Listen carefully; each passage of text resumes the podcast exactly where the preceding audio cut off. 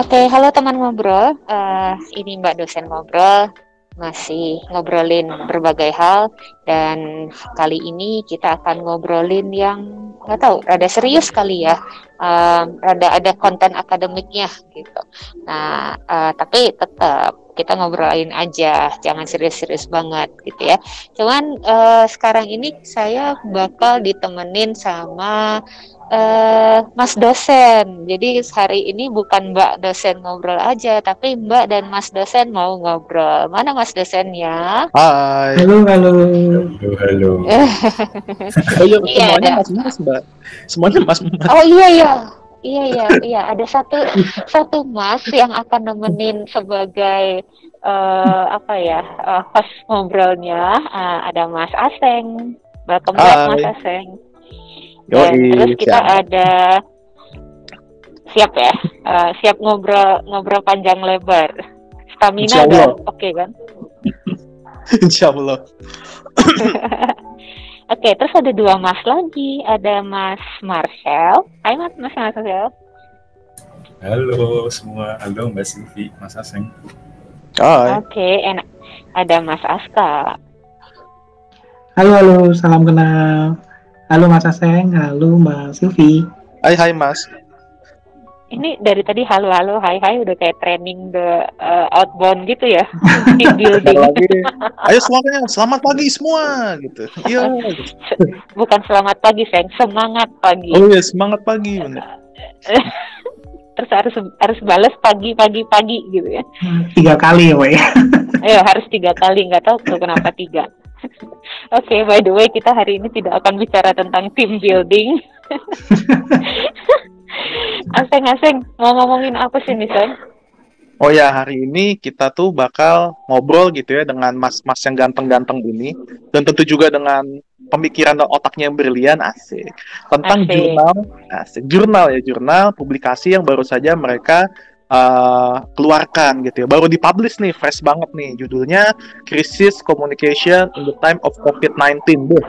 Dari judulnya aja kelihatannya udah seru banget Mbak. Crisis, crisis Communication. Crisis Communication in the Time of COVID-19. Wih, pas banget ya. Iya mantap banget ya. Dari judulnya aja kelihatan nih kayaknya nih ini kayaknya keren banget gitu. Ada crisis communication. Apa bedanya sama komunikasi biasa kan? Gitu kan? Ini ini ini crisis communication antara pasangan atau antara nah, gimana nih? Nah itu makanya kita kan sebagai orang yang awam gitu kan nggak belum belum paham nih maksudnya apa nih crisis communication. Begitu di waktu COVID-19 ya kan ini kayaknya pasti selain signifikan yang pasti ini sangat bermanfaat banget pastinya untuk dibaca gitu. Apalagi kita nih di tengah-tengah masih menghadapi pandemi saat ini ya kan? Gitu. Oke ya, ya. gimana? Lanjut lanjut lanjut lanjut. Gimana? Kita langsung lanjut aja. Bagaimana Mas Marcel dan Mas Aska apakah sudah fit untuk ngobrol soal asik. Publikasinya yang keren ini. Cus lah Mas Aseng dan Mbak Silvi siap oke. Okay. nah oke okay, kalau gitu kita mungkin langsung mulai aja gitu ya Mbak Silvi dan Mas-Mas yang ganteng-ganteng. Ini untuk kita ngobrolin langsung jurnalnya jadi sebenarnya kalau dari aku sih aku tuh punya pertanyaan yang paling mendasar banget sebenarnya soal si jurnal ini. Yaitu aku kepikiran sebenarnya ini tuh uh, keluarnya di mana dipublikasikan di mana terus karena aku pengen baca gitu ya pengen baca total gitu ya langsung gitu bisa nggak di download PDF-nya dan di mana lalu uh, sebenarnya dia tuh secara snapshot bicara tentang apa sih si jurnalnya Mungkin Mas Aska atau Mas Marcel siapa yang mau duluan? Mas Marcel sebagai penulis pertama nih, penulis pertama artikelnya silakan Mas. Betul betul betul. Karena ditembak juga Mas Aska. Oke, jadi kalau secara garis besar di mana pertama mungkin ya. Kalau di mananya di jurnal LIPI gitu ya yang dikeluarkan oleh Deputi Social Science and Humanitiesnya LIPI uh, nama full jurnalnya adalah Journal of Indonesian Social Sciences and Humanities atau JISSH gitu ya. Kalau di Google JISSH gitu aja nanti keluar sih pasti ke websitenya. Nah dari judulnya sendiri sih tadi sudah disebut gitu ya sama Mas Aseng dari artikel yang kami buat penulisnya juga kebetulan bukan hanya saya dan Mas Aska tapi ada juga Mbak Anggi gitu ya sebagai penulis yang bareng-bareng um, membuat artikel jurnal ini. Jadi topiknya sendiri yang kita angkat betul tadi mengenai komunik uh, krisis communication atau komunikasi krisis khususnya dalam situasi pandemi COVID-19 seperti sekarang. Uh, nah di dalam uh, apa namanya uh, studi yang kita lakukan dalam tulisan artikel jurnal ini kita secara khusus juga meng-highlight kasus yang terjadi gitu ya dari komunikasi, komunikasi krisis yang terjadi di uh, tiga negara uh, demokratis gitu ya di dunia ini yaitu Brazil, Amerika Serikat dan juga tentu saja Indonesia gitu ya. Um, jadi ketiga negara ini sebagai salah satu uh, salah tiga berarti ya karena ada tiga ya uh, salah tiga dari uh, apa namanya uh, contoh kasus yang kemudian kami angkat dari komunikasi krisis yang terjadi.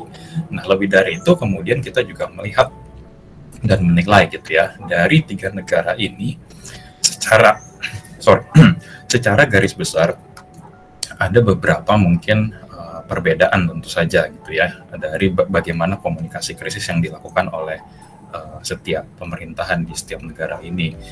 Uh, dan juga ada beberapa kegagalannya uh, dalam menghadapi situasi pandemi COVID-19 dan juga tentu saja terakhir bagaimana upaya-upaya yang yang menjadi menarik juga gitu ya menurut saya dari artikel ini adalah bagaimana upaya dari masyarakat atau ya masyarakat akar rumput dari grassroots mereka memiliki inisiatif untuk kemudian pada akhirnya bisa setidaknya membantu gitu ya situasi uh, yang ada di masyarakat yang mungkin ada yang menilai dalam tanda kutip kacau gitu ya. Uh, masyarakat jadi merasakan apa ditinggalkan ditelantarkan gitu uh, dari uh, apa namanya uh, penanganan COVID-19 yang dilakukan oleh pemerintah. Karena tadi situasi mungkin uh, komunikasi yang disampaikan oleh pemerintah itu tidak uh, efektif dilakukannya dalam situasi krisis ini. Sehingga kemudian masyarakatlah yang juga menjadi korban tapi di sisi cerahnya juga yang kita angkat dari artikel ini adalah tadi bahwa ada inisiatif-inisiatif yang kemudian uh, didatang gitu ya. Memang dari grassroots dari akar rumput sehingga situasi apa namanya krisis ini setidaknya bisa uh, apa namanya pemerintah juga uh, dalam tanda kutip terbantukan gitu ya dalam penanganan krisis ini. Kurang lebihnya seperti itu. Mungkin nggak tahu Mas Aska ada yang ditambahkan. Ini kayaknya kalau dosen yang ngomong yang gini, saya diminta iya. satu ngasihnya sepuluh. Iya. Tapi kan Jangan-jangan ini termasuk SKS gratis, lumayan. Tapi keren, jadinya lengkap ya. Jawabannya langsung lengkap gitu. Nah, sebelum lanjut, aku pengen tahu dulu, klarifikasi dulu nih, uh, Mas Marcel. Um, ini tuh krisis komunikasi kalau diterjemahin ke bahasa Indonesia ya, krisis komunikasi atau komunikasinya yang bermasalah atau komunikasi di dalam krisis, dalam waktu krisis. Biar teman-teman yang menyimak uh, bisa paham gitu. Ini tuh apa sih yang dimaksud dengan crisis communication ini? Oke, ini saya lagi. Um, Oke, mungkin tadi crisis communicationnya apakah komunikasi krisis atau komunikasinya tadi uh, apa namanya yang bermasalah atau gimana gitu kan ya. Um, sebetulnya ya semuanya. Ya situasi pandemi covid ya? ini kan iya krisis gitu kan ya jadi ketika ada pandemi atau situasi krisis gitu kan um, ya di, pemerintah gitu ya dituntut atau siapa pun yang berwenang dalam situasi krisis dituntut untuk melakukan komunikasi krisis gitu kan ya. Komunikasi yang memang dikhususkan uh, apa namanya dalam situasi krisis. Nah, tapi masalahnya adalah kemudian kita highlight komunikasi krisis yang dilakukan oleh pihak-pihak itu juga krisis.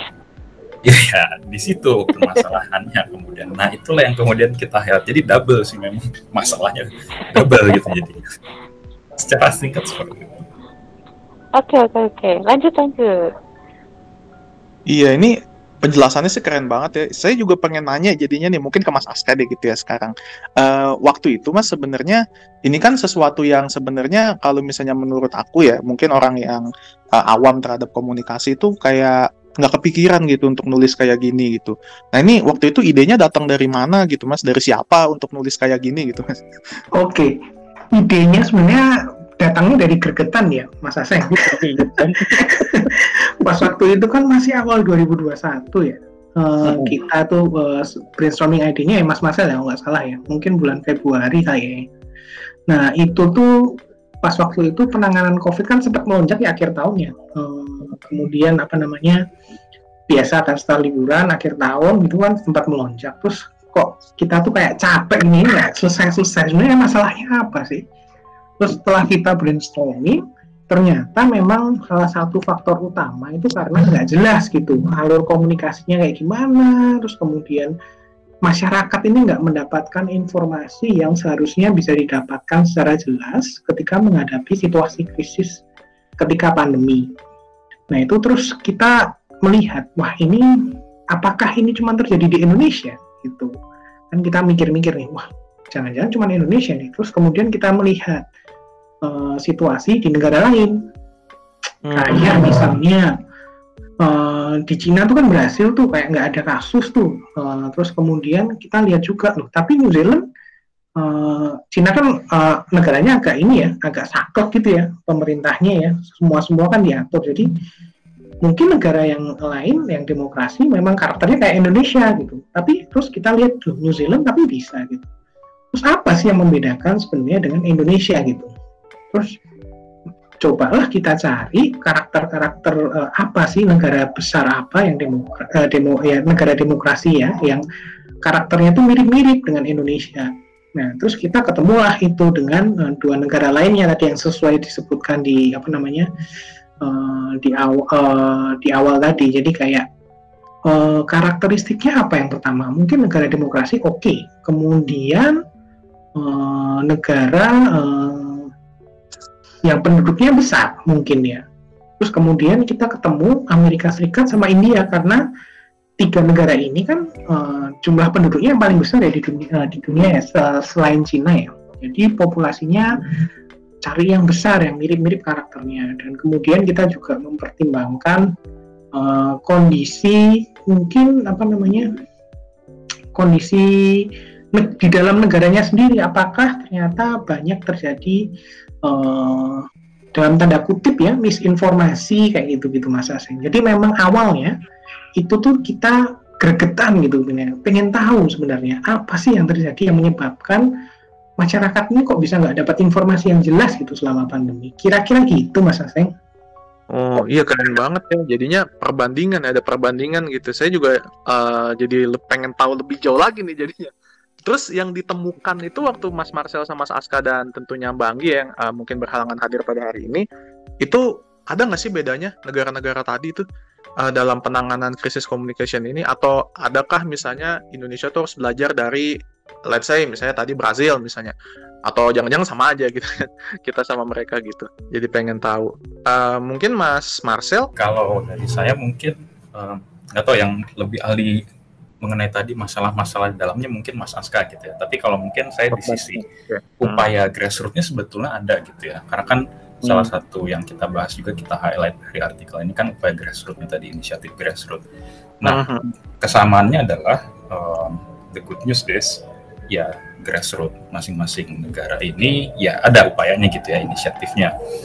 Um, tapi kemudian memang bentuknya pasti berbeda-beda gitu. Ya. Tapi kalau dari Indonesia sendiri uh, inisiatif grassroots yang uh, kemudian kami highlight dalam artikel ini, misalkan seperti kalau kita mungkin familiar di Instagram ataupun di media sosial lainnya seperti kawal COVID, kawal COVID-19, lalu kemudian pandemic talks gitu kan ya. Uh, hmm. itu merupakan uh, inisiatif dari grassroots di, di khususnya dalam dalam bidang komunikasi krisis gitu ya kita mengkategorikannya yang memang uh, kita nilai uh, menjadi upaya yang baik gitu ya, menjadi contoh yang baik, inisiatif yang uh, baik. Di mana kemudian contoh lainnya di Brazil juga ada, uh, mereka memiliki uh, upaya atau inisiatif uh, serupa gitu di Brazil. Um, apa namanya? Jadi ada semacam uh, organisasi yang namanya Catalytic Communities yang kemudian dia berusaha membuat sebuah dashboard yang berisikan data-data yang apa namanya data-data ya terkait COVID gitu ya dari segi kasus penambahan kasus dan sebagainya gitu. Um, ini kan juga sebetulnya mirip-mirip sama yang apa kita temukan dari kawal COVID-19 gitu ya dari kawan-kawan COVID-19. Lalu juga di Amerika Serikat, kalau di Amerika Serikat tadi kita uh, melihat ada juga sebetulnya upaya yang dilakukan uh, sebetulnya tidak tidak apa bukan dalam artian benar-benar dari grassroots gitu ya tapi kemudian memang seperti korporasi besar uh, Facebook, Google gitu ya yang kita lihat uh, menjadi semacam arena perang mungkin ya arena perang informasi hoax hmm. dan segala macam bersarang semua di situ. Tapi mereka juga memiliki berbagai macam upaya untuk mengcounter misinformasi yang kemudian bisa menyebar di platform uh, mereka yang kemudian pada akhirnya kan uh, grassroots atau ya user biasa gitu ya user dari media sosial yang kemudian menggunakan media-media sosial yang ada gitu yang kebanyakan memang dari Amerika Serikat ini bisa kemudian terhindarkan gitu ya dari berbagai misinformasi khususnya khususnya ketika uh, pada saat masa pemerintahnya Presiden Donald Trump waktu itu kan ya. Waktu itu kan kita mengangkatnya memang pada masa pemerintahan Presiden Donald Trump. Akhirnya seperti Twitter uh, akhirnya mempermanenkan ban kepada Donald Trump gitu kan ya. Itu menjadi hmm. salah satu upaya yang dilakukan juga sebetulnya kan. Um, mungkin itu nggak tahu Mas Mas Aska mungkin ada yang ditambahkan terkait ini Hmm, kayaknya enggak sih Mas Marcel. Udah jelas banget dari Mas Marcel. ya, tapi intinya sih sebetulnya itu yang kita lihat adalah bahwa upaya grassroots ini, uh, inisiatif dari grassroots ini menekankan atau mendorong pemerintah untuk lebih transparan. Adanya kemudian mereka ini inisiatif grassroots ini memainkan peran sebagai open government data intermediaries gitu ya. Jadi hmm. mereka semacam ya intermediari dari kita sebagai yang awam masyarakat biasa dan juga kepada pemerintah yang memang dituntut untuk kemudian bisa mengapa namanya uh, mengumpulkan data, mengolah data, lalu kemudian mendistribusikan data itu menjadi sebuah informasi yang bisa mereka gunakan dalam situasi krisis ini Nah, akhirnya kan produknya diharapkan menjadi sebuah bentuk komunikasi krisis yang baik gitu kan. Nah, tapi sayangnya tadi sejalan prosesnya banyak masalah yang ditemukan gitu ya. Komunikasinya mungkin ya tidak sampai dengan baik, tidak efektif gitu ya. Uh, sehingga kemudian masyarakat bergerak dengan berbagai inisiatif tadi. Itu kira-kira Mas Mbak. Oh iya, seru seru banget ya tadi kita bicara Mas Marcel gitu ya bicara soal media sosial jadi uh, medan tempur gitu medan tempur bagi informasi mungkin kita yang apa ya mungkin yang awam gitu ya kita juga tahu kita gitu media sosial mungkin sehari-hari kita pakai cuman seberapa banyak sih ya mungkin Mas Marcel gitu ya yang tahu bahwa sebenarnya terjadi pertempuran informasi di situ gitu ya antara yang benar dan mungkin yang yang misleading gitu Mas ya.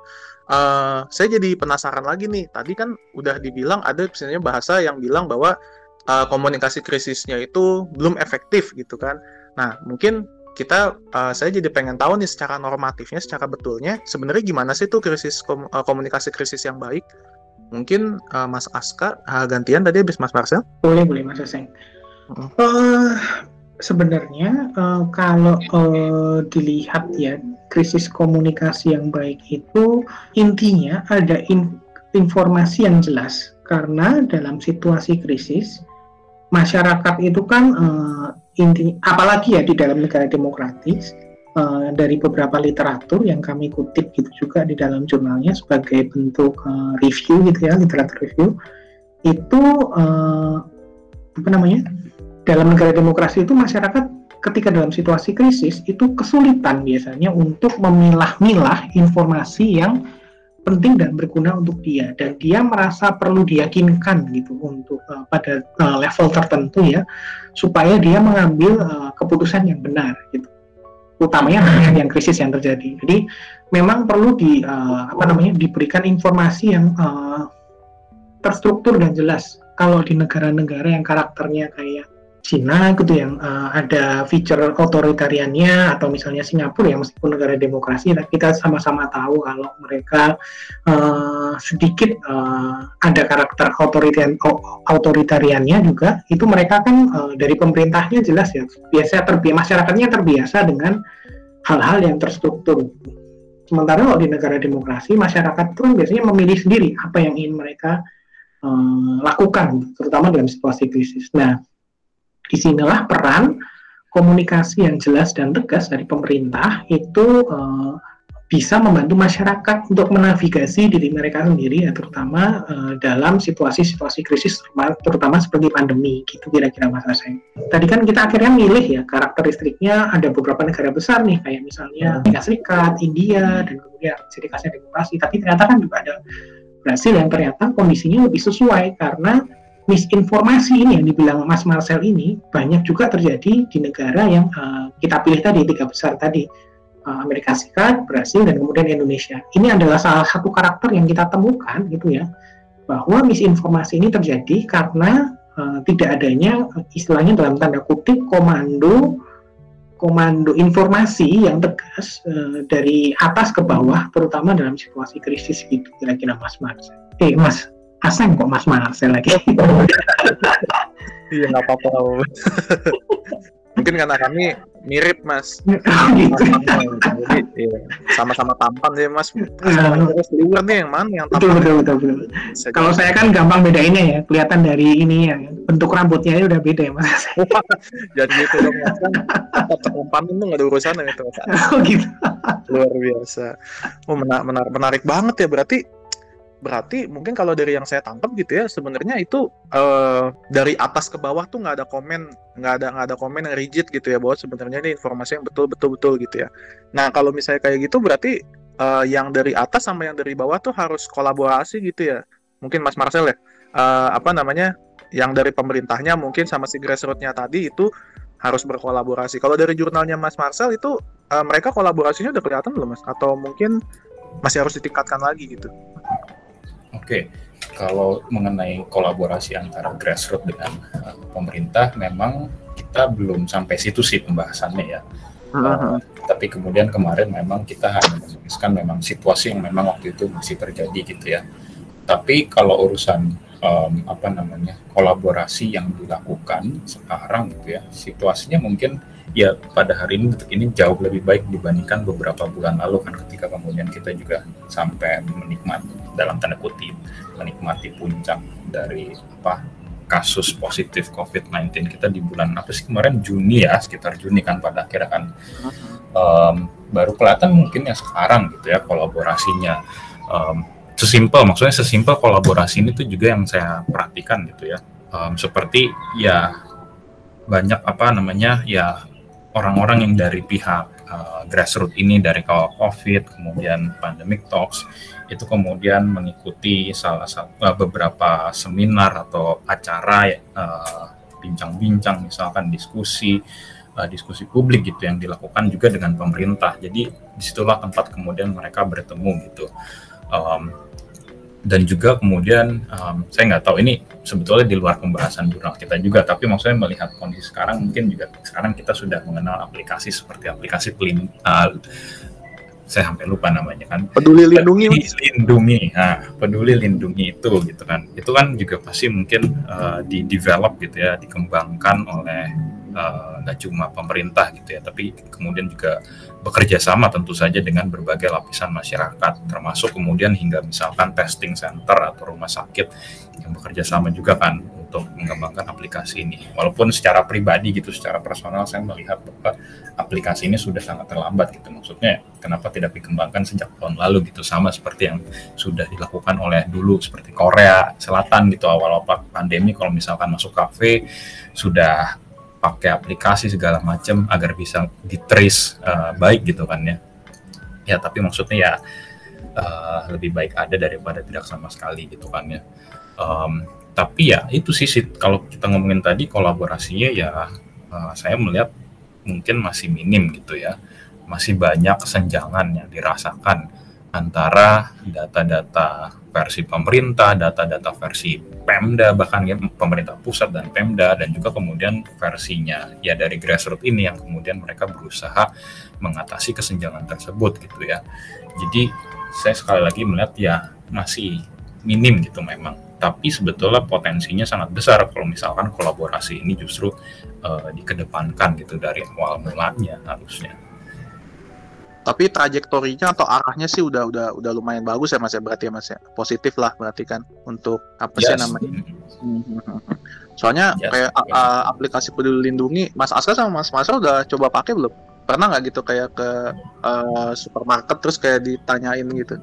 Belum pernah sih kalau aku ya. Sudah kemarin aku kemarin aku pernah iya aku pernah tuh mana belanja bulanan masuk kan.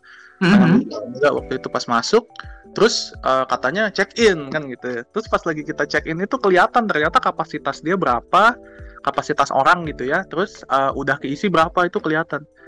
Jadi misalnya satu dari sekian berapa. Terus kemarin saya sempat mau beli makanan gitu ya. Terus uh, saya check in juga di sebuah restoran di Bandung. Terus beneran itu cuma satu per berapa puluh gitu. Dan pas saya lihat ngelongor dalam memang cuma satu.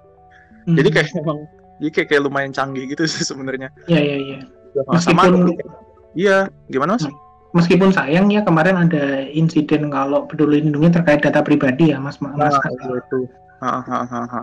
Ya, nah ya. ini ada kaitannya sedikit mas Marcel. Eh mas mas, mas Marcel lagi masih mas Asen saya saya kepleset terus nih dari nggak apa-apa ada ada sedikit ini apa namanya yang kita tulis juga di dalam jurnal bahwa tadi kan terkait ini ya banyaknya misinformasi terus masyarakat kan harus ini ya harus harus istilahnya menavigasikan dirinya sendiri. Nah ini juga ada kaitannya dengan trust ternyata Mas Mas Aseng. Jadi ketika informasi itu nggak nggak uh, didisperse dengan baik, maka trust ini yang oleh masyarakat terhadap pemerintahnya kan tidak terbangun. Padahal ini juga yang salah satu faktor penting dalam penanganan pandemi ini.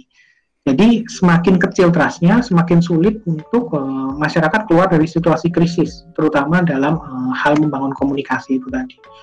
Nah, ini yang kemudian membuat apa namanya uh, sulit untuk istilahnya dalam tanda kutip ya dikontrol ya bagaimana kemudian uh, uh, situasi krisis ini uh, bergerak gitu. Jadi arahnya sering nggak kekontrol ketika tidak ada trust ini. Padahal trust ini penting itu di, uh, untuk membangun. Nah ini juga kaitannya dengan aplikasi peduli lindungi itu tadi. Ketika bocor, nah, kami nggak tahu ya karena ini kan baru terjadi setelah apa namanya.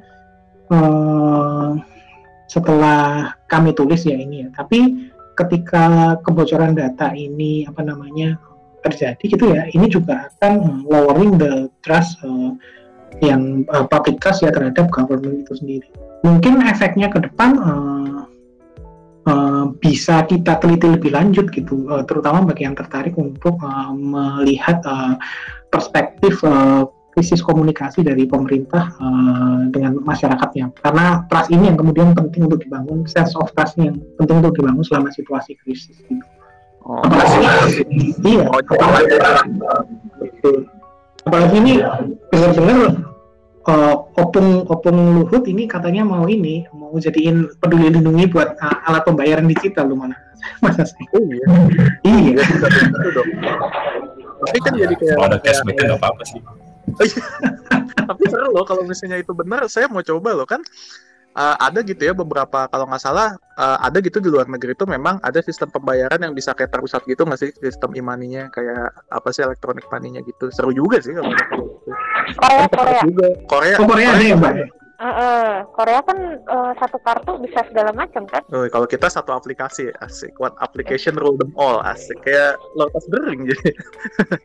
bagus juga eh, bagus. Aku ikut dong, aku ikut, aku ikut. Uh, mau nanya, um, trust dan demokrasi itu kan aku aku juga pernah tuh nulis iseng-iseng bareng bareng rekan nulis tentang demokrasi dan salah satu yang memang diperlukan dalam demokrasi itu kan adalah trust ya um, tadi udah dibahas, apakah memang trustnya itu memang harus diarahkan ke pemerintah dalam kondisi krisis gini, atau ya maksudnya trust itu ada kalau menurutku di masyarakatnya, cuman uh, trustnya itu menyebar gitu loh, jadi saya trustnya ke mana, asing trustnya ke mana gitu.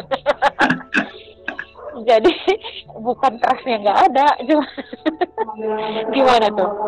Ini kalau saya tangkap apa sih trustnya jadi kayak kepecah gitu ya mbak? Iya semacam gitu gitu. Jadi jadi uh, apakah memang kalau demokrasi itu trustnya itu harus ngarahnya tuh ke apa ya rulers gitu leaders gitu? Atau uh, bisa aja sebenarnya uh, namanya kan krisis gitu kan ya. Siapa pun yang bisa memberikan solusi ya udah itu aja yang diterus boleh nggak kayak gitu? Hmm, kalau menurut pendapatku gitu ya maksudnya demokrasi gitu. Saya juga bukan ahli demokrasi atau ilmu politik gitu ya. Tapi maksudnya ini pandangan aku aja gitu sebagai mungkin masyarakat awam juga sebagai warga negara yang insya Allah baik gitu ya. Um, uh, ketika kita berada di, di sistem yang demokrasi gitu negara demokrasi ya kita pertama mungkin harus bersyukur gitu ya dengan segala kebebasan yang ya, diberikan atau memang sudah ada gitu ya dengan dengan pengadopsian sistem demokrasi ini gitu seperti kebebasan berpendapat, tapi yang sering kali lupakan berpendapat yang bertanggung jawab juga gitu kan ya. Uh, dan juga kedua dari segi pemerintah pun gitu ya saya, saya juga mengharapkan pemerintah yang memang cakap gitu ya cakap dalam artian karena background saya mungkin ada dari komunikasi juga gitu ya cakap dalam berkomunikasi. Uh, mereka ya berkarisma boleh lah istilah seperti pencitraan pencitraan itu juga boleh lah gitu ya. Tapi juga mereka harus yang bertanggung jawab juga gitu. Jadi intinya sebetulnya dasarnya di uh, tanggung jawab saja sih itu kemudian. Dan juga kemudian uh, bagaimana mereka memiliki kecakapan dalam berkomunikasi kepada masyarakat uh, yang tinggal di negara di uh, tinggal di negara yang demokratis gitu. Ya sekarang seperti misalkan kejadian yang terjadi adalah misalkan di Indonesia ya sesimpel ketika bagaimana pemerintah kita berkomunikasi dalam mengatur apa istilah lockdown ini uh, diterjemahkan ke dalam artian bahasa Indonesia menjadi PSBB, PSBB mikro, PPKM, PPKM uh, apa namanya uh, level berapa, jadi kayak ayam geprek gitu kan level ada level-levelnya segala kan jadi kayak apa PPKM PPKM mikro makro apalah bingung kan jadi kayak udah iPhone juga kayak istilah-istilah ini kan akhirnya juga membuat bingung masyarakat kan um, dan di sini menjadi salah satu mungkin ya hal yang perlu kita highlight gitu terkait dengan kecakapan pemerintah dalam berkomunikasi kepada rakyatnya gitu ya sehingga iya, kemudian yeah, yeah, yeah. bagaimana rakyat bisa percaya kan dengan dengan kalau saya menyebutnya mungkin ya kegagalan uh, komunikasi tersebut khususnya dalam situasi uh, pandemi ini. Mas, iya iya jadi nggak tahu gimana. Nambahin dikit Mbak Silvi. Ya dari Mas Marcel. Uh, kalau ini pendapat saya pribadi juga ya, karena kita juga nggak nggak nggak menuliskan ini ya Mas Marcel di di di secara detail gitu di jurnalnya. Tapi ketika uh, ini pendapat saya pribadi, tapi ketika kita berada di dalam suatu krisis yang kemudian konteksnya adalah pandemi, maka uh, salah satu uh, aktor paling penting di dalam penanganan pandemi itu adalah pemerintah sendiri, Mbak Silvi. Jadi ini menurut saya pribadi ya, karena uh, dari sanalah koordinasi terkait uh, penanganan kesehatan itu bisa benar-benar uh, tereksekusi seharusnya dengan baik gitu. Nah, kalau tadi bicara juga trust ya, selain apa yang disebutkan Mas Marcel uh, tadi, uh, trust ini kan terpecah ya, seperti yang Mbak Silvi sebutkan. Terpecahnya itu kalau pengamatan saya ini belum butuh penelitian juga lebih lebih dalam. Pengamatannya saya itu eh, kepercayaan masyarakat ini terpecah antara yang percaya pandemi sama enggak mbak. Terutama dalam konteks Indonesia eh, dan Amerika Serikat ya dan kemudian eh, mungkin Brasil juga yang dari tiga negara yang kami sebut ini. Jadi trustnya adalah ini pandemi ini beneran apa enggak sih? Gitu. Soalnya kan ini bukan hal yang uh, kelihatan di depan mata ya. Kayak krisis misalnya gunung meletus gitu yang bisa dilihat secara visual ya. Maka kemudian uh, kita kan akhirnya cuma dengar-dengar aja nih. Sebelum sampai benar-benar kita kena sendiri atau orang dekat kita kena dan kemudian itu berdampak sangat buruk. Kalau dampaknya nggak terlalu nggak terlalu buruk juga masalah trust ini juga kemudian uh, apa namanya menjadi hal yang kemudian bisa dipertanyakan lebih lanjut gitu uh, apa uh, dari apa dari awalnya aja udah udah harus meyakinkan dulu bahwa ya, ya ada ya. masalah loh. Iya sulit memang mbak memang dalam situasi pandeminya agak agak agak uh, apa ya bukan kontraproduktif ya tapi kayak uh, kompleks gitu ya situasinya mbak. Tapi yang tadi kita juga highlight bahwa ternyata uh, ya seperti yang disebutkan Mas Marcel ada uh, trust ini ternyata juga uh, terlepas dari peran penting itu ya pemerintah yang harusnya bisa bergerak sebagai manusia ternyata uh, ada inisiatif-inisiatif masyarakat yang kemudian juga bisa meningkatkan trust dari masyarakat itu sendiri seperti yang tadi ke uh, grassroots inisiatif tadi itu bahwa ternyata itu juga yang membangun trust dari uh, kepercayaan terhadap masyarakat meskipun trust itu tidak dibangun kepada pemerintah ya tapi terhadap informasi yang dipercaya yang di ditampilkan oleh grassroots inisiatif. Uh, jadi berarti yang aku tangkap uh, kalau bicara tentang crisis communication itu salah satu penekanannya mungkin bahwa communication itu bukan berarti dari atas ke bawah uh, apa memberikan informasi, memberikan instruksi kayak gitu aja kan, tapi juga yang bawah juga berinisiatif untuk memahami uh, informasi dan memahami instruksi itu. Begitu ya harusnya mungkin ya. Yang penting konsisten sih kalau dari saya, Mbak. Mungkin Mas Marcel ada tambahan. Informasinya konsisten gitu maksudnya. Iya, ya itu konsistensi juga menjadi salah satu hal yang penting dalam uh, komunikasi krisis gitu ya. Lebih jauh juga sebetulnya kita juga sebetulnya mengutip salah satu uh, jurnal um, yang yang memang uh, si penulisnya itu uh, namanya sebentar uh, Walter Jong. Jadi dalam tulisannya dia memang meneliti tentang komunikasi krisis dalam COVID-19 ini dan dia juga memiliki beberapa checklist yang harus dipenuhi gitu ya ketika uh, satu pihak melakukan komunikasi krisis ini gitu yang intinya sebetulnya uh, dari situ bisa kita tarik bahwa uh, si assessment tool krisis komunikasi ini dalam situasi pandemik ada enam domain yang perlu kemudian diperhatikan yang memang intinya adalah kolaboratif juga gitu ya. Yang pertama misalkan di ini yeah, yeah, yeah. yang berwenang harus memiliki uh, apa bisa making sense gitu di tengah situasi krisis. Ini situasi krisis loh, gitu. ini bukan situasi main-main. Lalu kemudian yang kedua juga bagaimana public leadership itu bekerja dalam situasi krisis ini. Yang ketiga kemudian uh, bagaimana si pendapat profesional khususnya yang di bidang public health ya seperti dokter dan juga orang-orang ahli profesor di public health itu juga didengarkan dan diakomodir pendapat profesional mereka. Setelah itu juga yang keempat bagaimana pemerintah khususnya ya yang bisa mengakomodir interaksi antar stakeholders yang terkait gitu. Jadi ini kan balik lagi peranannya kolaboratif dan kelima bagaimana pada akhir kelima dan keenam bagaimana kemudian akhirnya informasi yang didistribusikan ini bisa jelas tadi ya konsisten informasinya dan terakhir adalah bagaimana uh, apa namanya uh, mereka membungkusnya gitu bagaimana storytelling yang dibuat oleh pemerintah.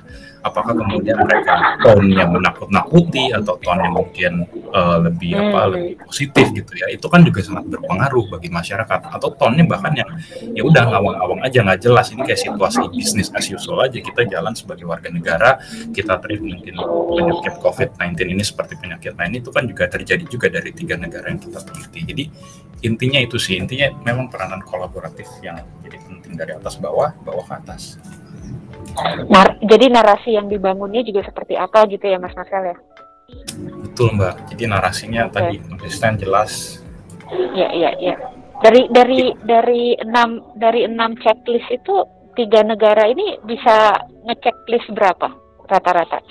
Nah ini memang studinya dibutuhkan studi lebih lanjut sih Mbak. Ini nggak tahu ah. waktu itu sama Mas Aska sama Mbak kita juga berpikiran untuk uh, mau apa lihat secara spesifik gitu setiap negara kan dari 30 checklist ini. Oh, tapi memang dalam tulisan ini belum kita angkat sih sampai situ. Tapi ini memang menjadi hal yang menarik. Uh, yeah. on tadi 30 checklist ini kalau mau kita perdalam lagi. That's the beauty of academic writing gitu. Bisa bersambung gitu. iya, Pak, betul, Pak.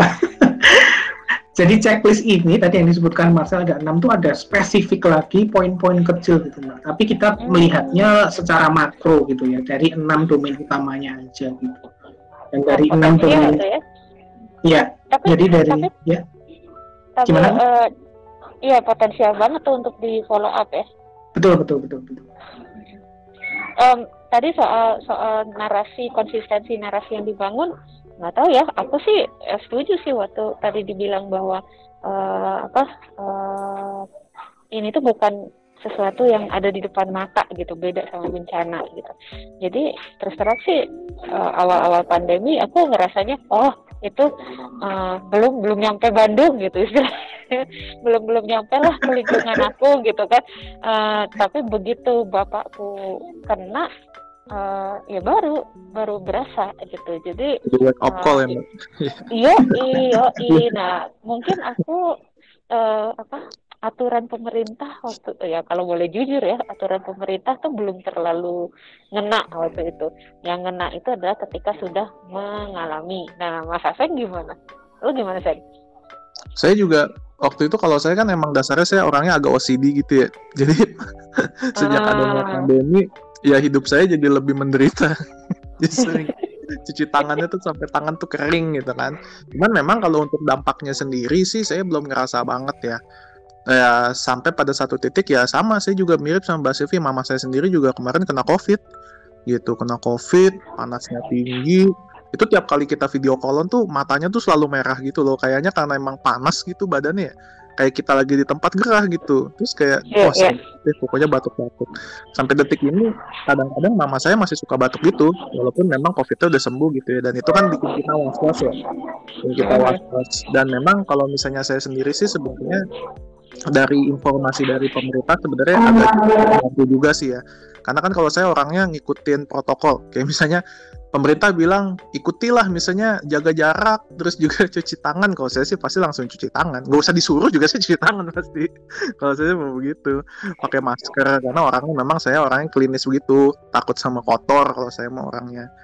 Kalau saya gitu sih. Eh berarti kalau berarti penanganannya harus beda-beda antara menangani Mas Aseng dengan iya. menangani Mbak Silvi gitu beda beda. Nah itu mungkin juga menarik gitu ya karena kan setiap mungkin bener juga tadi saya jadi kepikiran juga nih uh, dari pemaparan Mas Marcel dan Mas Aska kan kalau misalnya kita uh, demokrasi gitu ya kan masyarakatnya mungkin uh, bebas berpendapat terus juga bisa kayak apa namanya percaya apa percaya apa kan bisa gitu. Dan mungkin ini juga terrefleksi dari pengalaman kita tadi mbak gitu ya. Uh, bahwa memang kalau buat yang saya misalnya yang memang orangnya wah takut gitu ya klinis gitu mungkin langsung percaya gitu trustnya tinggi mungkin. Kayak oke okay, gue percaya ini ada ada sebuah penyakit yang sekarang tuh mulai menyebar dan berbahaya. Tapi mungkin ada buat beberapa orang yang santai, oh ini masih belum sampai gitu kan.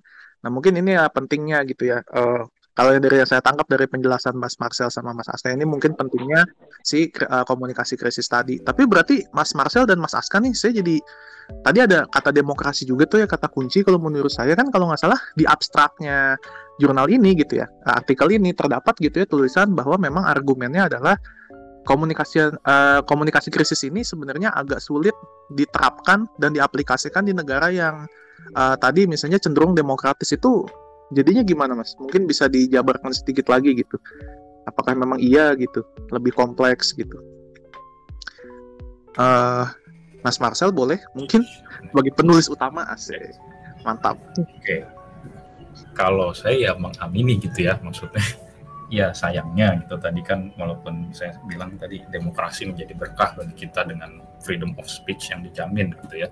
Tapi poin tanggung jawab ini yang menjadi tricky gitu ya baik bagi pemerintah baik bagi masyarakatnya. Karena ya jadi nah jadi demokrasi um, memang ini menjadi sesuatu yang uh, tricky tadi di poin freedom of speech-nya. Uh, karena kan kemudian kita harus bertanggung jawab gitu ya dari apa pun yang kemudian kita sampaikan yang kemudian kita uh, ekspresikan. Nah, jadi memang buat pemerintah yang mengadopsi sistem demokrasi ini juga tantangannya pasti uh, lebih besar dong. Uh, belum lagi kalau misalkan kita melihat dari tiga kasus yang kita ambil kan populasi juga besar-besar gitu, bukan populasi yang level kayak desa atau kota ini kan. Ini negara, tapi negara juga ratusan juta orang dalam ratusan juta orang juga backgroundnya beragam-ragam. Indonesia budaya macam-macam, um, apa namanya agamanya macam-macam, tingkat pendidikan macam-macam, tingkat ekonomi macam-macam, sama juga dengan Brazil dan juga Amerika Serikat. Um, itu mungkin kemiripannya kan pada akhirnya. Tapi yang kita akhirnya lihat adalah ya itu tadi keberagaman ini pada akhirnya memang menjadi sesuatu yang sulit gitu, khususnya di tengah situasi pandemi di negara yang demokratis gitu ya, yang katanya demokratis. Um, akhirnya kan komunikasi yang nyampe tadi yang Mas Aska juga sudah ceritakan ya jadinya beda-beda gitu kan. Ada misinformasi ada yang percaya si A ada yang percaya si B gitu ya. Ada yang percaya vaksin ada yang nggak percaya vaksin gitu ya. Ada yang merasa pandemi ini nggak ada sama sekali gitu ya. Ada yang merasa kebal dan segala macamnya itu kan akhirnya jadi memang menjadi hal yang sulit gitu ya. Kalau misalkan kita bandingkan dengan situasi negara-negara yang relatively lebih uh, homogen gitu ya dari sisi sosial masyarakatnya ya itu lebih mudah mungkin. Dan juga apa bagi negara-negara yang mungkin seperti Cina gitu ya yang ya dari sistem pemerintahannya mungkin sering kali dihina-hina lu komunis lu sosialis lu apalah lu Cina lah lu antek-antek uh, komunis segala macam. Tapi ternyata uh, dari berbagai kajian yang bisa kita temukan pada hari ini dan juga mungkin uh, faktanya juga mungkin yang terjadi di Cina adalah ketika dia menjadi epicenter pada awal sekarang dia bisa dikatakan sukses gitu ya yang terakhir juga kesuksesan terakhirnya adalah mereka berhasil memvaksinasi satu miliar penduduknya itu kan pencapaian yang sangat luar biasa ya. Um, bagaimana kemudian mereka bisa mengcounter apa namanya situasi krisis ini dengan berbagai koordinasi yang uh, baik apa namanya baik dalam artian ya tadi apa tipe pemerintahan yang sosialis seperti itu atau komunis seperti itu uh, mungkin lebih efektif gitu ya ketika ada situasi krisis karena lebih birokrasinya mungkin lebih uh, singkat gitu ya lebih jelas gitu nggak nggak ada kemudian misinformasi ke bawah-bawahnya pada akhirnya. Jadi itu menjadi berkah bagi mereka tentu saja. Tapi ya berbeda kasusnya dengan sistem yang uh, mengadopsi demokrasi ya tadi tantangan adalah dari keberagaman ini juga sebetulnya nambahin sedikit Mas Marcel ya Mas Aseng ya boleh Jadi, boleh salah satu poin utama juga yang kita temukan gitu ya Uh, ini kan tadi Mas Marcel juga bicara tentang keberagaman. Salah satu poin utama yang kita temukan adalah keberagaman pandangan politik juga, Mas. Mas yang ini yang juga berpengaruh. Jadi di tiga negara ini itu tuh political interest atau kepentingan politik dari leadernya itu juga ternyata menentukan penanganan uh, dan pembentukan komunikasi krisis itu, Mas Aseng. Jadi ya mereka apa ya ketika mereka punya will atau apa namanya kepentingan politik kan sebenarnya kebijakan itu kan dibangun salah satu faktor utamanya adalah uh, political will atau uh, ke, apa ya keinginan untuk mewujudkan uh, sesuatu hal berdasarkan uh, kepentingan politisnya gitu kan maksudnya. Nah di tiga hmm. negara ini juga ternyata uh, karakteristik masyarakatnya yang beragam tadi yang disebut Mas Marcel adalah juga kepentingan politiknya yang apa namanya uh, beragam gitu termasuk di masyarakatnya. Kemudian ada yang percaya dengan pemimpinnya ada yang enggak gitu. Sehingga ini juga membuat bias gitu ya yang kemudian melahirkan juga informasi-informasi yang enggak apa misinformasi yang enggak relevan yang malah memperburuk penanganan pandemi. Kira-kira itu mas Hmm, jadi trade, uh, kebebasan berekspresi itu menjadi trade off juga ya bisa jadi banyak misin misinformasi gitu ya sebenarnya. Nah, uh, kalau misalnya kayak gitu mungkin pertanyaan selanjutnya adalah kan berarti mungkin sekarang masih sulit gitu ya masih sangat kompleks saya bisa sih ngebayangin gimana itu kan informasi itu kan kayak lautan gitu ya di media sosial. Kita kebayang kayak kita di tengah-tengah terus kita nyari beacon gitu ya. Kayak nyari satu cahaya wah ini gitu kan yang betul gitu kan. Itu agak sulit memang. Dan yang jadi pertanyaan saya mungkin jadinya gimana sih caranya untuk meningkatkan uh, komunikasi krisis ini biar lebih efektif lah gitu ibaratnya.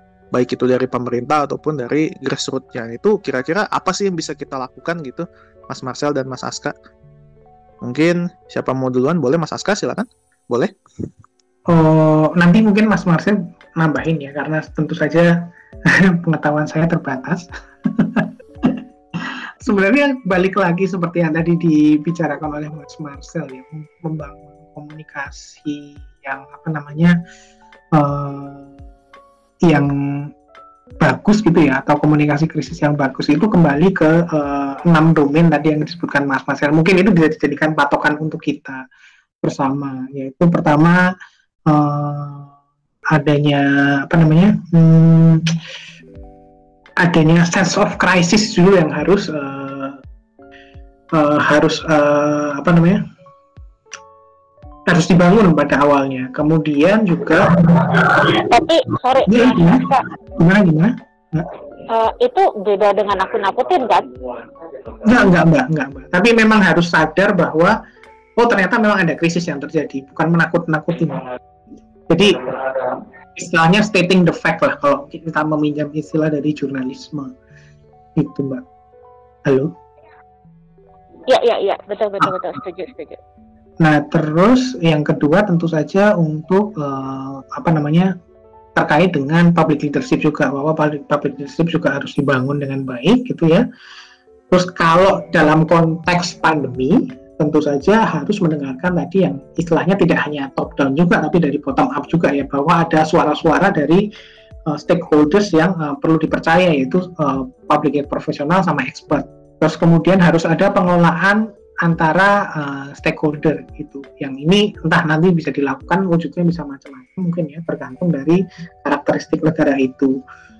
Yang kelima adanya uh, instruksi yang jelas kepada apa namanya publik secara luas ini jelas bahwa tadi yang menyebut dan disebutkan oleh Mas Marcel adalah konsistensi juga, termasuk yang poin keenam adalah terkait storytelling. Jadi harus ada storytelling yang konsisten juga yang diberikan oleh Mas Marcel.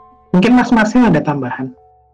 Iya, kalau dari saya sih yang penting gitu ya, yang bisa kita kita tuh kita masyarakat, pemerintah juga, jadi semua benar-benar bisa kita lakukan semua adalah kata kuncinya saya sebetulnya cuma tiga gitu ya yang pertama keterbukaan, kedua data, ketiga citra. Keterbukaan, data, citra. Jadi ya kita hari ini situasinya adalah ini era keterbukaan, ini era uh, data, ini juga era pencitraan juga mungkin bisa kita katakan seperti itu.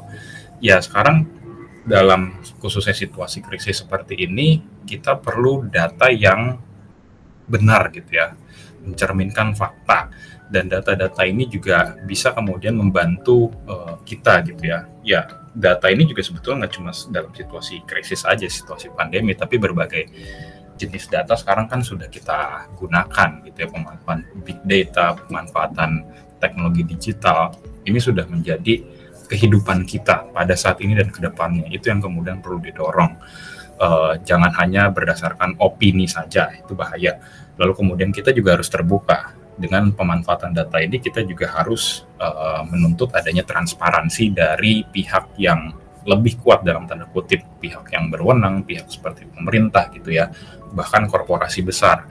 Maka dari itu kan misalkan masalah-masalah seperti apa namanya uh, transparansi data, masalah mengenai privasi data itu juga menjadi penting pada hari ini. Itu juga yang harus uh, dikedepankan. Dan terakhir adalah citra gitu ya. Ini citra mungkin yang sering kali kita kurang cantik gitu mainnya ya. Kalau orang Indonesia tuh mungkin apa-apa sekarang kan suka pencitraan gitu ya, katanya dikit-dikit pencitraan gitu ya. Um, sebetulnya orang Indonesia juga influencer sekarang banyak, youtubernya banyak gitu ya. Maksudnya uh, banyak loh istilahnya kreativitas yang bisa kita gali dari masyarakat gitu ya. Berbagai macam bentuk storytelling yang kemudian bisa mungkin pemerintah pelajari gitu dari masyarakat, tapi juga uh, jangan sampai kemudian latah gitu ya pemerintah. Jangan dikit-dikit karena istilah ini viral gitu ya, atau sesuatu hal viral gitu ya langsung kemudian uh, di, di, diambil gitu sama pemerintah lalu kemudian dilemparkan kembali dalam berbagai kanal informasinya pemerintah kepada masyarakat. Dikit-dikit pejabat nyebut milenial semua yang muda disebut sebagai milenial gitu kan. Itu menjadi salah satu contoh kan yang saya melihatnya ya nggak gitu juga gitu ya kalau mau berusaha dalam tanda kutip gaul gitu kan ya. Kalau mau apa citranya bagus. Uh, itu sih maksudnya citra itu penting gitu ya. Um, tapi jangan apa jangan sampai kemudian mainnya jelek gitu ya. Mainnya main cantik juga gitu mencitraan ini kan juga harus uh, sesuai tempatnya gitu ya. Uh, harus juga mungkin mengenal situasi mengenal konteks kemudian. Itu yang kemudian lupa mungkin diambil oleh pemerintah gitu ya. Uh, yang kita nggak lihat pada situasi krisis khususnya. Itu sih dari saya mungkin. Aku aku boleh uh, ini mas uh, mas Marcel. Ada satu uh, jargon yang jadi ini podcast mbak, mbak dosen ini tuh nggak afdol kalau nggak pakai quotes salah. Karena sering kali muncul quotes gitu. Nah um, ada satu quotes satu satu apa ya kalimat yang sejak pandemi ini suka dipakai gitu kalau bicara tentang penanganannya yaitu one there is no one size that fits all setuju nggak Mas Marcel sama Mas Haska? Setuju Mas, setuju. Setuju. Saya juga setuju. Gak semuanya cocok kan buat semuanya gitu ya. Iya, iya, aku tadi pas dengerin tuh kok kayaknya iya ya, benar dalam segala aspek dalam penanganan COVID ini, pandemi ini, ya nggak bisa gitu, nggak bisa kasih satu solusi, uh, lalu itu akan menyelesaikan semua dan termasuk dalam hal komunikasi gitu. Jadi banyak banyak apa ya, banyak warna-warnanya gitu, benar nggak ya? Gitu kali ya? Setuju, setuju sekali mbak. Jadi ya nggak bisa sekali mbak mesti dibeda-bedain. Misalkan komunikasi ke yang level pendidikannya S3 ya berbicara seperti profesor. Kalau mau komunikasinya ke pasar berbicara sesuai dengan vocabulary yang dikuasai oleh si pedagang pasar tersebut. Gampangnya seperti itu sih biar iya mbak. Sebenarnya salah satu yang benar-benar uh, saya cukup apresiatif ya. Kalau ini konteksnya untuk pemerintah Indonesia ya. Ini ini dan juga ini nggak bisa dipukul rata gitu ke misalnya penerapan ke negara yang lain sesuai quotesnya mbak dosen bahwa nggak ada yang uh, bisa satu istilahnya uh, strategi pak uh, strategi satu-satunya yang bisa dipakai itu salah satunya kok yang di pemerintah Indonesia itu kemarin menggunakan misalnya kayak ah, uh, Raffi Ahmad gitu ya untuk misalnya program penggalakan vaksin itu yang dia disuntik vaksin pertama kali. Itu benar-benar di masyarakat awam benar-benar uh, ngefeknya juga lumayan karena reach-nya ternyata uh, juga bisa menyebar ke berbagai macam uh, apa namanya kelas masyarakat gitu jadinya kalau kalau melihat konteks dari Indonesia di misalnya di Amerika Serikat atau Brasil mungkin uh, pendekatannya nggak seperti itu juga beda-beda. Oh iya, berarti yang yang heboh soal Raffi Ahmad cuma menengah ke atas aja ya, masyarakat oke oke aja ya. Gimana Pak? Iya, iya, iya. Masyarakat menengah bawah saya rasa juga banyak yang mengidolakan Raffi Ahmad. Jadi itu sangat-sangat sangat berguna menurut saya pribadi ya. Mungkin Mas Mas ada tambah. Ya, kalau saya pun yang mungkin saya menengah atas pun saya juga nggak heboh sih sebetulnya Raffi Ahmad. Ya, kayak agak bodoh amat juga kayak hubungannya gitu kayak nggak ada signifikansinya gitu juga kan buat saya gitu kan Oke okay, oke, okay. sorry ya tadi uh, teman-teman ngobrol rada rada ini ya, rada ada gangguan-gangguan karena uh, kita yang lagi ngobrol ini berada di tempat yang berbeda-beda dengan kondisi berbeda-beda, tapi sekali lagi uh, yang namanya ngobrol, apalagi dengan dengan zaman pandemi sekarang kita bicara komunikasi di uh, episode ini uh, bisa di mana aja kita harus survive ngobrolnya harus tetap jalan terus gitu nggak ya Mas Aseng? Ya banget, ya banget Mbak. Jadi ya ini kan salah satu cerminan gitu ya bahwa ya kondisi pandemi ini tidak menghentikan kita untuk terus produktif. Asik. Yo ini, ini dia. Aku jadi penasaran ini kita lagi pada di mana sih? Aku barusan habis dari rumah sakit, habis ngantar keluarga kontrol. Uh, Mas Aseng di mana? Kalau aku sih di rumah biasa, weekend tidur tiduran biasanya. Kalau Mas Marcel dan Mas Asko? Sama Mbak, saya juga di rumah. Baru makan tadi sebelum kita ngobrol-ngobrol. Baru sarapan. Saya di rumah. Tadi sebelum ini agak colongan main game dulu sebentar sih. kayak kayak Mas Aseng. Tuh jangan begitu kan? Bisa aja. Oke okay, oke. Okay. lanjut mas Aseng gimana? Oke okay, uh, tadi cukup menarik gitu ya sebenarnya. Uh, saya sendiri juga jadi banyak belajar nih dari podcast hari ini oh memang sebenarnya ya apa namanya saya serap lah gitu ya tadi uh, penjelasan dari Mas Marcel sama Mas Aska. Saya jadi senang juga nih jadi kayak ada SKS gratis gitu. Wah asik dikuliahin terus. Jadi senang. Jadi nggak sabar juga. Uh, saya pengen coba baca total gitulah si jurnalnya Mas Marcel sama Mas Aska dan juga Mbak Anggi juga ya yang sedang berhalangan hadir. Nah, mungkin ada juga nih uh, teman-teman pendengar gitu ya yang uh, pengen juga baca tulisannya Mas Marcel sama Mas Aska. Nah, kalau saya sih ya uh, menurut saya ini jurnal bagus banget dan worth worth banget lah kalau misalnya ini uh, pantas banget untuk dikutip ya. Jadi untuk informasi ini sekali lagi Mas Marcel mungkin buat teman-teman yang mau baca atau mungkin mau ngutip nanti buat tulisan-tulisannya atau mungkin buat skripsi, buat tesis itu coba Mas mungkin bisa disebutkan kembali itu jurnal tadi uh, judulnya apa, subjudulnya apa, terus diterbitinnya di mana dan bisa ditemukan di mana Mas? Silakan Mas Marcel. Oke, jadi yang mungkin uh, uh, yang tertarik gitu untuk membaca lebih dalam terkait apa yang sudah kita diskusikan.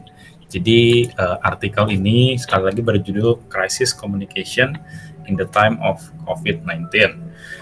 Lalu ada subjudulnya, The Significance of Grassroots Initiative in Democratic Countries, Case of Brazil, Indonesia, and the United States. Nah, nanti jurnalnya ini, uh, apa namanya, bisa kalian cari namanya Journal of Indonesian Social Sciences and Humanities. So, kalau mau di Google lagi JISSH LIPI gitu, Lembaga Ilmu Pengetahuan Indonesia. Nanti keluar uh, apa namanya websitenya terus tinggal masuk aja ke apa namanya edisi khusus uh, eh, COVID-19-nya. Nah di situ nanti ada tulisan dari kami bertiga saya, Mas Aska dan juga Mbak Anggia Valerisa. Sekalian dong nama lengkapnya dong, penulis-penulisnya dong. Oh. Namanya Marcel Adi Putra. Lalu Ignatius Ignatius Loyola Adi Baskara dan yang ketiga adalah Mbak Anggia Valerisa. ini malu-malu gitu kan malu-malu. Blushing blushing biasa disebut. Uh keren blushing deh biasa nih. Kalau saya lihat di jurnalnya mas itu ada ada email ya mas ya? Mas kasih tahu aja gimana mas corresponding author siapa tahu. Ntar kan ada yang mas Marcel saya mau bertanya nih asik. Ternyata PDKT gitu kan. Asik bukan ngomongin. Iya. Kali aja ada corresponding author emailnya gitu mas ya. Ah, mungkin boleh saya bacakan gitu mas Boleh, boleh Untuk silakan. autornya itu di sini ada tulisannya marshall.ap@unpar.ac.id. Marshallnya dengan SH, E dan double L ya, Marshall. Bukan ma- jadi bukan pakai C ya, bukan kayak penyanyi. Kalau nggak penyanyi, kalau nggak salah penyanyi itu pakai C kan, Marcel gitu. Ini bukan ya, pakai SH, E, L, L. Oke, oke. Kayaknya cukup menarik gitu ya. Sayang sekali nih kayaknya karena mungkin keterbatasan waktu juga ngobrol-ngobrol produktif dan asik di weekend ini harus kita akhiri. Sepertinya nih eh, mungkin Mas Aska ada pesan-pesan terakhir. Tadi kan Mas Marcel udah ngasih tahu informasi. Mas Aska mungkin ada closing asik.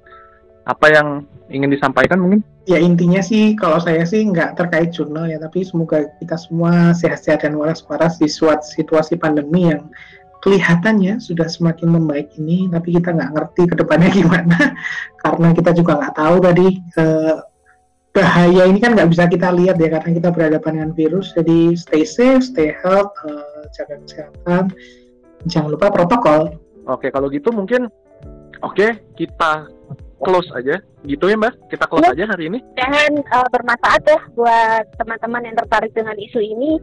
Um, silahkan dihubungi authornya dan kalau misalnya teman-teman ada juga yang tertarik nih uh, pengen share hasil publikasinya um, atau misalnya pengen mbak tolong dong bahas tentang topik yang ini. Mas tolong dong. Saya pengen pengen riset tentang topik ini nih.